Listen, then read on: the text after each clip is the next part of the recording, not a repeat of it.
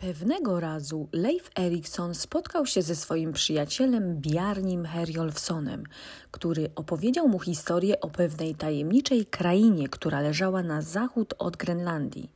Odkrył ją przez przypadek, gdy zabłądził, ale był zbyt ostrożny, aby zejść na ląd, ponieważ nie chciał narażać swojej załogi. Leif zastanawiał się, czy naprawdę może istnieć nieznany i niezbadany ląd. Przecież opowieści z mitologii norweskiej mówiły, że Ziemia jest płaska, którą na krańcach otacza straszliwy wąż potwór. Ale być może świat kryje w sobie coś więcej niż to, czego uczyły go opowieści ludowe. Chciał kiedyś zbadać tajemniczy nowy świat i tak jak jego ojciec Eryk Rudy, który zasiedlił Grenlandię, Leif chciał zbudować osadę wikingów tam, gdzie nikt się wcześniej nie odważył. Leif Erikson miał wkrótce stać się pierwszym Europejczykiem, który postawił stopę w Ameryce Północnej ponad 400 lat przed Krzysztofem Kolumbem. Ale zacznijmy od początku. Leif Erikson urodził się na Islandii około roku 980. Jego nazwisko Erikson, czyli syn Eryka, pochodziło od jego ojca, Eryka Thordvalsona, zwanego Erykiem Rudym. Jak wielu wikingów, Leif urodził się, by rozpocząć życie pełne poszukiwań i przygód. Jego ojciec, Eryk wiele lat wcześniej urodził się w Norwegii, w królestwie wikingów. Nazywano go Rudym przez jego gęste, rude włosy i brodę.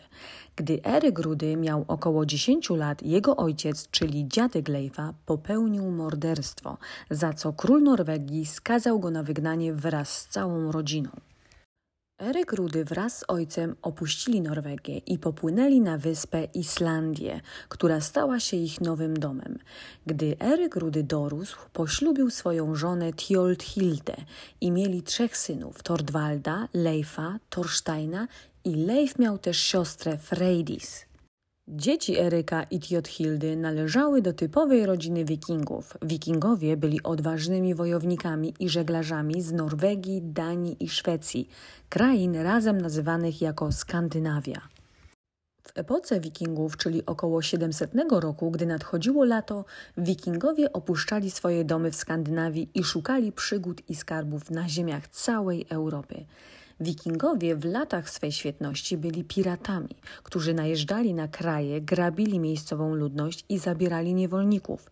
Wielu wikingów osiedlało się w nowych krainach, które zaatakowali, od Anglii przez Irlandię aż po Islandię. I tak Eryk Rudy wraz ze swoją załogą wypływali w poszukiwaniu nowych wiosek, które często palili i kradli z nich wszystko, co tylko było wartościowe. Wikingowie robili to przez setki lat w całej Europie. Mieszkańcy wiosek, którzy nie zostali zabici przez Wikingów, często zostawali zabrani do niewoli. Eryk Rudy posiadał niewolników na Islandii. Pewnego dnia, gdy jego niewolnicy pracowali, spowodowali osunięcie się skał, które zniszczyły dom jego sąsiada. To był wypadek, ale sąsiad za karę zabił niewolników Eryka, a gdy Eryk się o tym dowiedział, zabił sąsiada i jego rodzinę za co został postawiony przed sądem. Tak zwany ting było to zgromadzenie mieszkańców osady, którzy rozstrzygali spory i ustanawiali prawa wioski. Lokalny wódz podejmował decyzje na podstawie recytowanego prawa z pamięci, ponieważ nie istniały pisemne zapisy. Ale każdy mieszkaniec mógł wyrazić swoją opinię, oczywiście oprócz niewolników, zaś kobiety mogły brać udział w zgromadzeniu, ale nie miały prawa głosu. Ting był średniowiecznym najstarszym parlamentem w Europie. I tak Ting podjął decyzję, że Eryk Rudy zostaje skazany na banicję, czyli będzie wygnany z kraju. Podobnie jak jego ojciec kiedyś z Norwegii musiał natychmiast opuścić Islandię. Ale dokąd? Nie mógł wrócić do Norwegii, więc postanowił popłynąć na zachód, poszukać nowych ziemi, gdzie mógłby zbudować nową wioskę dla siebie i swojej rodziny. Wikingowie znali już Grenlandię, nawet próbowano się wcześniej tam osiedlić, ale warunki były zbyt srogie i osada nie przetrwała. Ale Eryk Rudy bardzo chciał zasiedlić Grenlandię, więc tam popłynął. Pierwszym miejscem, gdzie dotarł, było wschodnie wybrzeże, które było bardzo skaliste, gdzie było niewiele roślin i ciężko było podpłynąć łodzią. Zauważył między innymi górę pokrytą lodem i zapewne stwierdził, że to miejsce nie nadaje się na osadę, więc płynęli dalej. Okrążyli południowy kraniec Grenlandii i postanowili osiedlić się na zachodnim brzegu. Tutaj ziemia była lepsza, była trawa, gdzie można było paść zwierzęta i było trochę ziemi pod uprawę. Były tutaj również fiordy, w głębi których można było bezpiecznie zakotwiczyć łódź. W morzu zaś roiło się od ryb, a na lądzie były zwierzęta takie jak renifery, które mogły być dobrym pożywieniem. Eryk Rudy postanowił tutaj założyć osadę, ale na pewno nie było to łatwe. Zimy były mroźne i bardzo śnieżne. Poza fiordami i zielonymi zboczami, które je otaczały, lodowce wciąż pokrywały większość lądu. Lodowce to góry, które tworzą się z zamarzniętego śniegu i gdzie pogoda jest na tyle zimna, że śnieg się nie topi w ciągu lata. Warstwy ubitego śniegu tworzą górę, który często rośnie pod wpływem kolejnych warstw śniegu. Tysiące lat przed wikingami lodowce pokrywały Skandynawię i Grenlandię, rosły, odrywały się od lądu i przemieszczały. I wtedy wycinały w górach głębokie doliny w kształcie litery U a pod koniec epoki lodowcowej, kiedy to miało miejsce, lodowce zaczęły się topić i wypełniać doliny wodą. I tak te piękne wodne doliny nazywane są dziś fiordami. Mimo ciężkiej pracy Erykowi Rudemu udaje się zbudować kilka domów, ale potrzebował więcej ludzi w wiosce, żeby stworzyć osadę. I tak po kilku latach Eryk powrócił na Islandię, aby przekonać ludzi do popłynięcia z nim na zachód. Eryk postanowił nadać swojej nowej ziemi ładnie brzmiące imię Grenlandia, czyli Zielona Kraina. Nazwa brzmiała zachęcająco, jakby cały region był pięknym krajobrazem. Na pewno nie powiedział, że było tam więcej lodu niż na Islandii. Plan zadziałał. Ponad 25 statków ludzi chciało popłynąć na Grenlandię.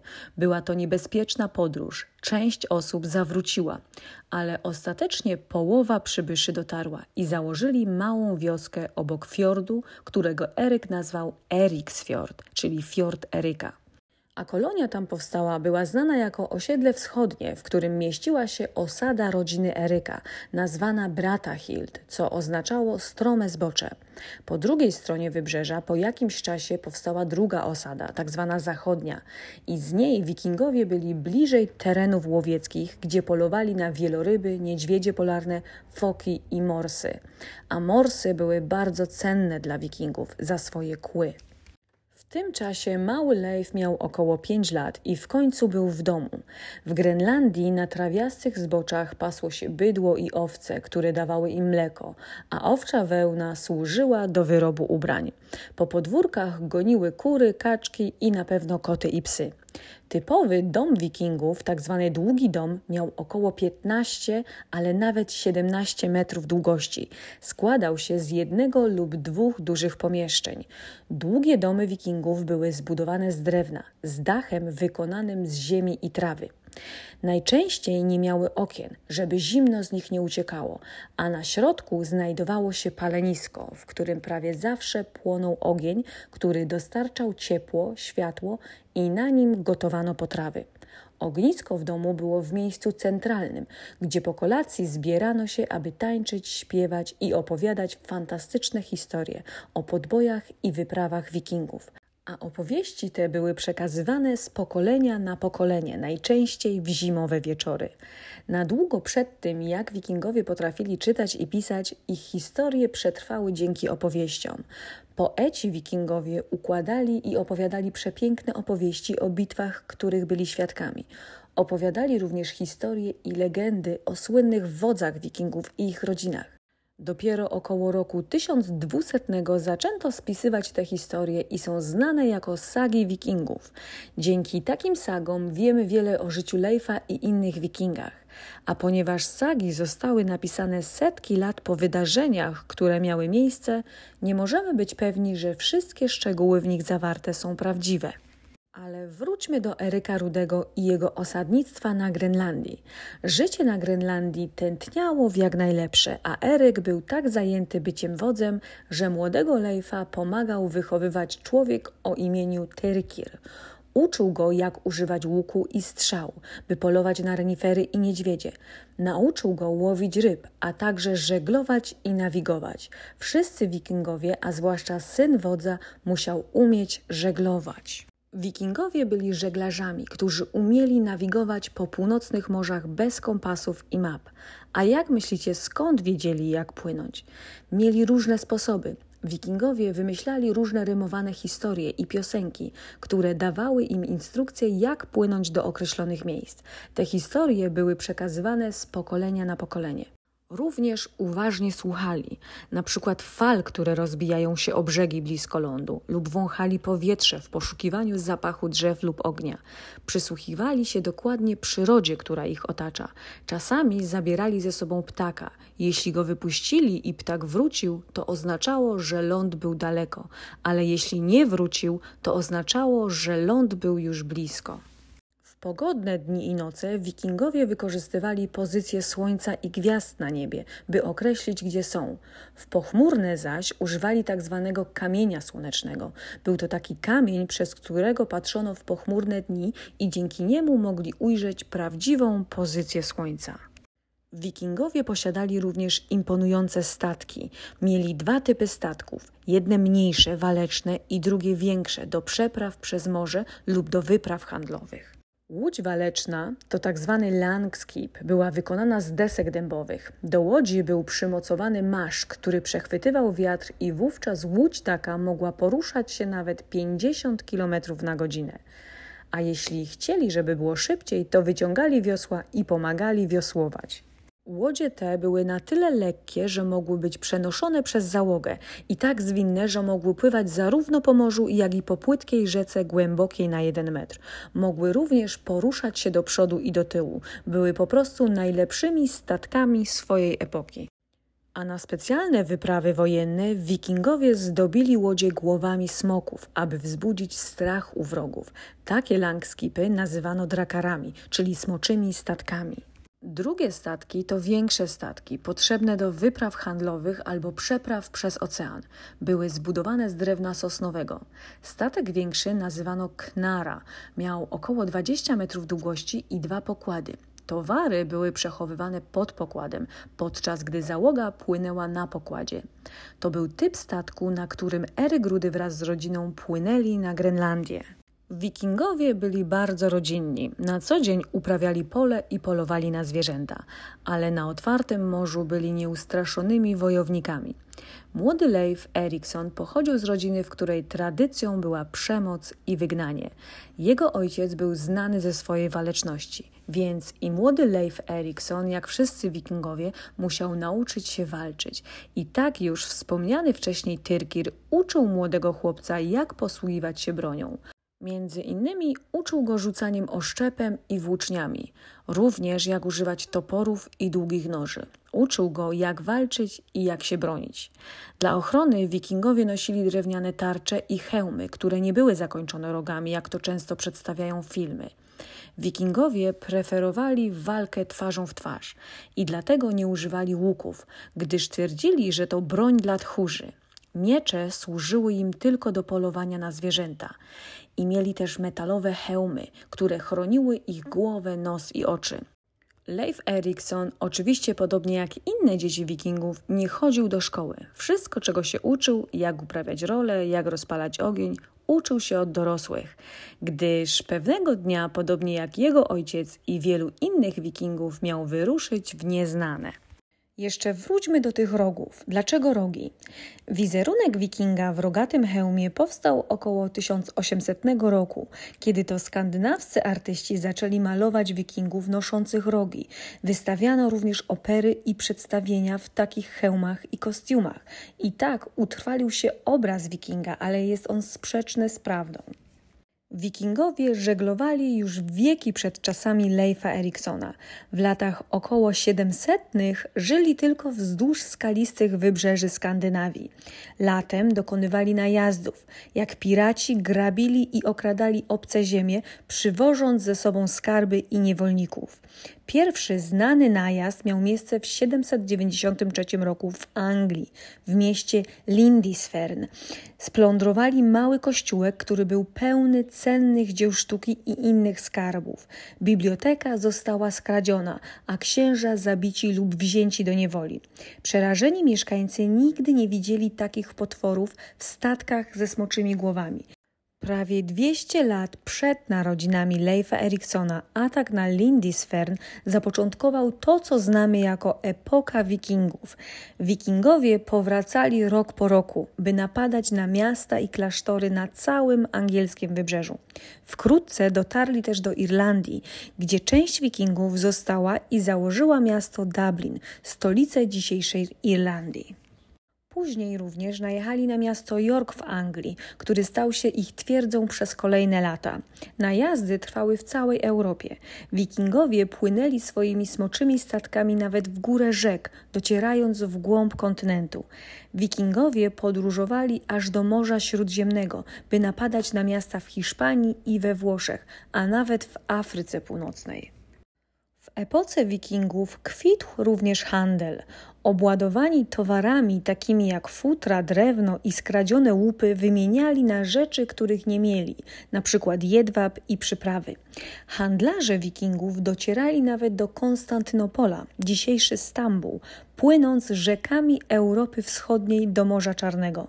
Po drodze podbili miasto Kijów, stolicę dzisiejszej Ukrainy. Niektórzy historycy uważają, że plemię wikingów kupców zwanych Rusami dało nazwę dzisiejszej Rosji.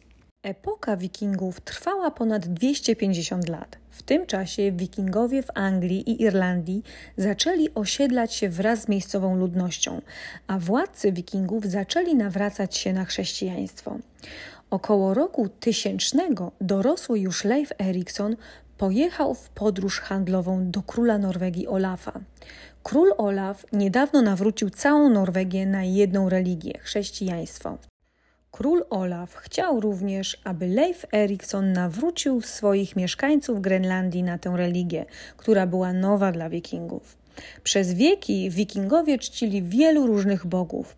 Leif Erikson nie był pewien, czy Grenlandczycy będą chcieli pozostawić swoje stare wierzenia, ale król Olaf rozkazał, że jeśli tego nie uczynią, to przestanie z nimi handlować i nie będą mogli kupować potrzebnych zapasów w Norwegii. Ale zanim stali się chrześcijaninami, wierzyli, że świat jest skupiony wokół wielkiego drzewa świata – na szczycie drzewa świata znajdował się Asgard, dom bogów. Mieszkał tam Bóg Odyn, Bóg wojny i mądrości, Bóg wszystkich bogów. W środkowej części drzewa znajdowało się płaskie śródziemie, czyli Midgard, i tutaj mieszkali ludzie, ale także olbrzymy, krasnoludy, elfy i inne fantastyczne stworzenia. Midgard otaczał gigantyczny wąż Jormungand, a wikingowie wierzyli, że jeśli wypłyną za daleko na morze, można się z nim spotkać. Pod drzewem świata znajdował się Helgard, czyli piekło, ale również zła bogini o tym samym imieniu. Kolejnym bogiem był Loki, który był ojcem bogini Helgard i węża Jormunganda. Kiedyś Odyn ukarał Lokiego i przywiązał go do skały w jaskini. Wikingowie wierzyli, że trzęsienie ziemi było spowodowane przez Lokiego, który chce się uwolnić z kajdan w podziemiach. Kolejny bóg, Thor, był synem Odyna – Thor zabijał gigantów na niebie swoim potężnym młotem, powodując burze i błyskawice. Freja była boginią piękna i miłości, i to ona decydowała, kto i ile będzie miał dzieci. W Asgardzie wszyscy bogowie mieli swoje własne pałace. Gdy najlepsi wikingowie ginęli, anioły Odyna łapały ich dusze i leciały z nimi do pałacu Wallacha. Tam wikingowie ucztowali i trenowali przed bitwą, która będzie na końcu świata. I tak codziennie walka, uczta i powtórzenie. Tak wyglądało niebo dla wikinga. Ale wracając do nawrócenia wikingów na chrześcijaństwo, Eryk Rudy nie był zbytnio zadowolony z tego pomysłu. Mimo to zezwolił na budowę małego kościółka na Grenlandii. I tak po przyjęciu nowej religii przez Grenlandczyków, Leif rozpoczął kolejne wyzwanie, a mianowicie chciał zbadać nieznane ziemie, które wiele lat wcześniej widział Bjarni Herjolfsen. Może mógłby zbudować osadę po drugiej stronie morza. Leif zabrał załogę składającą się z ponad 30 osób, w skład której wchodził m.in. jego przyjaciel i nauczyciel Tyrkir. Eryk Rudy nie towarzyszył synowi w podróży, gdyż został ranny. Wkrótce nadeszło lato i załoga wypłynęła z fiordu i wpłynęli na otwarte morze, podążając za wskazówkami Biarniego.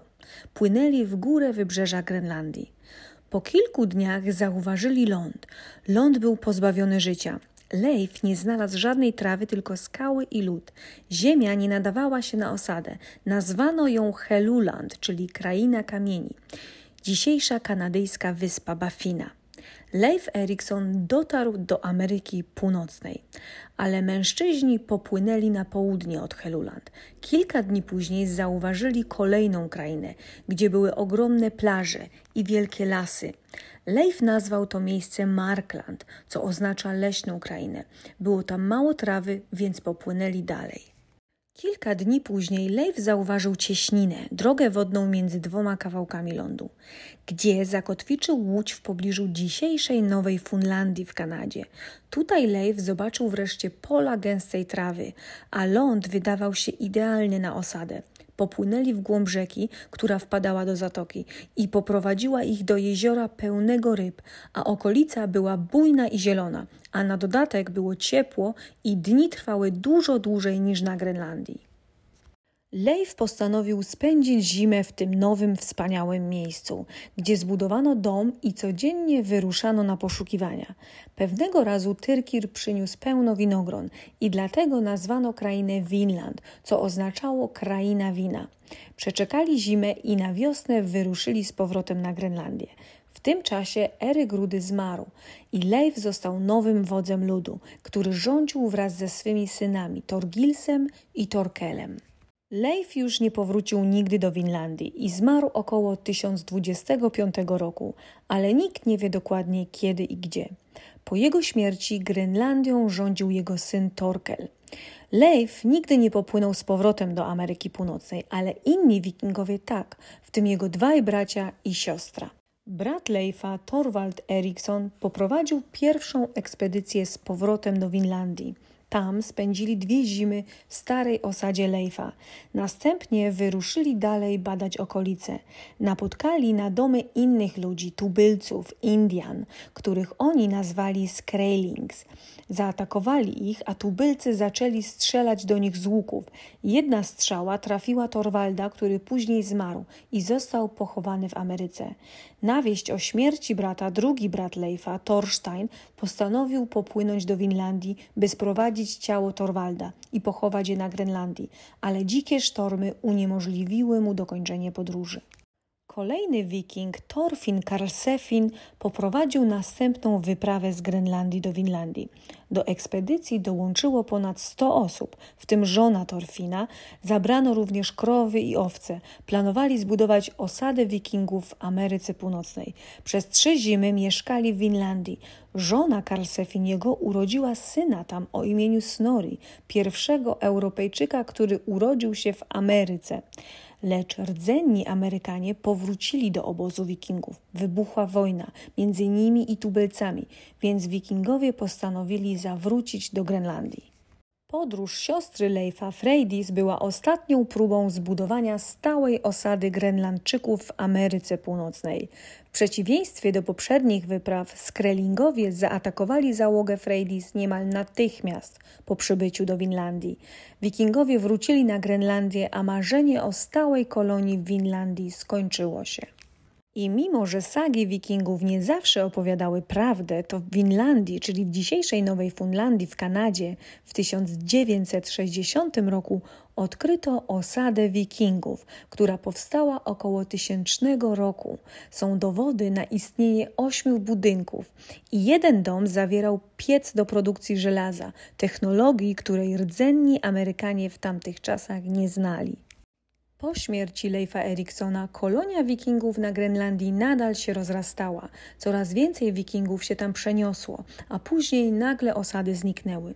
Dlaczego? Przez klimat. Kiedy Eryk Rudy zasiedlił Grenlandię, klimat był tam cieplejszy, a po roku 1300 pogoda w Europie stała się zimniejsza i bardziej burzliwa. Okres ten nazywamy czasem małą epoką lodową. Wyprawy myśliwskie i handlowe stały się niebezpieczne lub wręcz niemożliwe i wikingowie opuścili Grenlandię. W końcu droga do Winlandii została zapomniana Wydawało się, że to tylko legenda, a badania archeologiczne potwierdziły obecność Wikingów w Ameryce.